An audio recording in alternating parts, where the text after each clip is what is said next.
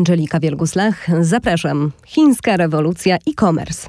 W bieżącym roku udział sprzedaży internetowej w całkowitych przychodach na chińskim rynku detalicznym ma przekroczyć 50%. To światowy fenomen będący implikacją historii, specyfiki chińskich konsumentów oraz strategii władz centralnych państwa środka.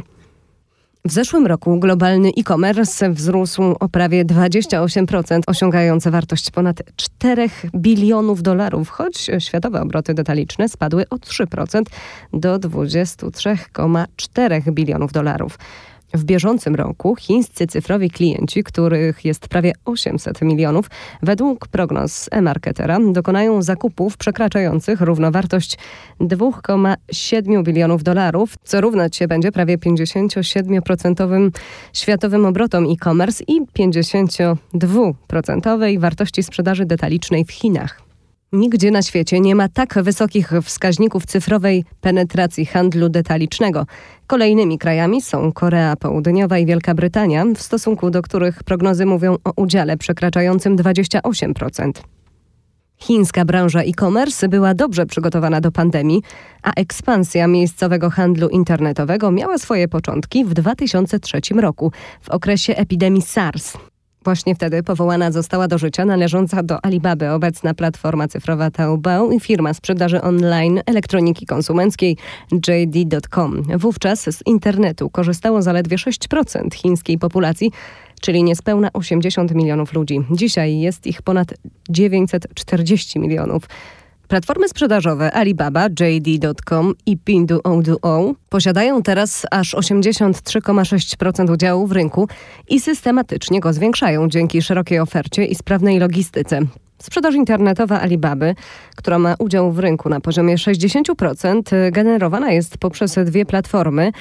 Liczba ich użytkowników średnio w miesiącu sięga 480 milionów osób i ponad 10 milionów sprzedających. Drugim co do wartości sprzedaży podmiotem jest JD.com z około 15% udziałem w rynku. Jednak to Pinduoduo można uznać za najbardziej dynamicznego gracza odbierającego rynek liderowi. W czwartym kwartale zeszłego roku platforma miała średnio miesięcznie 233 miliony użytkowników, a obroty za cały rok przekroczyły równowartość 250 miliardów dolarów. Specyfiką tej platformy jest baza klientów, którymi są głównie kobiety, przede wszystkim z mniejszych chińskich miast. Ich średnia wartość zakupu to zaledwie 6 dolarów, więc sporo mniej niż lidera rynku 30 dolarów, ale te klientki Pinduoduo dokonują transakcji częściej. Nowym kanałem sprzedaży na platformach cyfrowych stał się live streaming, z którego korzystają mniejsze sieci detaliczne. Umożliwia on interakcję między klientami, którzy mogą odbywać wirtualne spacery po sklepach i sprzedawcami. Ci ostatni występują w roli wirtualnych doradców, odpowiadając na pytania odwiedzających. Sukces chińskiego e-commerce w czasie epidemii uznać można za przemyślany skutek postawy głównych graczy rynkowych.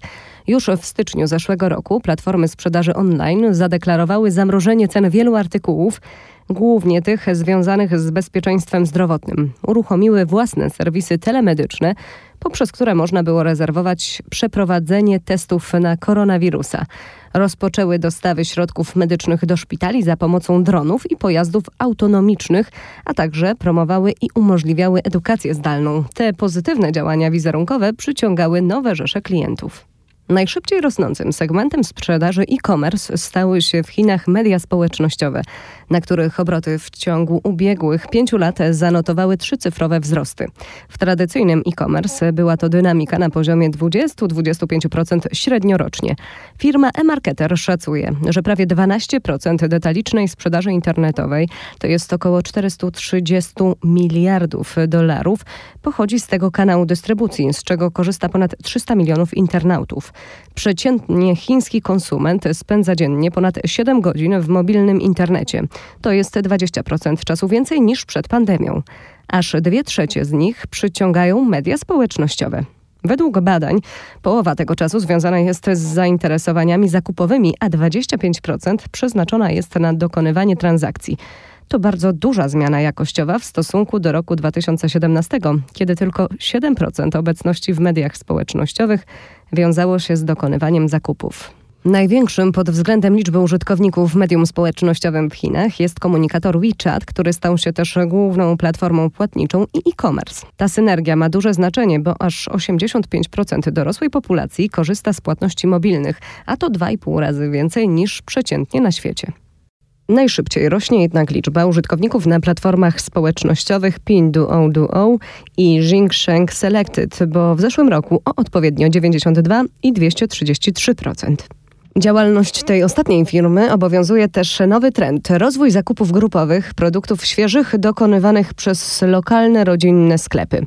Platformy te łączą sprzedawców z producentami żywności. Do popularnych mediów social e-commerce kierujących ofertę do młodego pokolenia zaliczyć trzeba firmę znaną jako Red. Platforma przyciąga głównie kobiety do 35 roku życia, a liczba jej użytkowników przekracza 300 milionów, umożliwiając dzielenie się opiniami o produktach czy rekomendacje zakupu i naturalnie dokonywanie transakcji. Pierwszą zagraniczną marką, która w czasie pandemii wykorzystała ten kanał dystrybucji był francuski Louis Vuitton, który uzyskał 152 tysiące rekomendacji od użytkowników.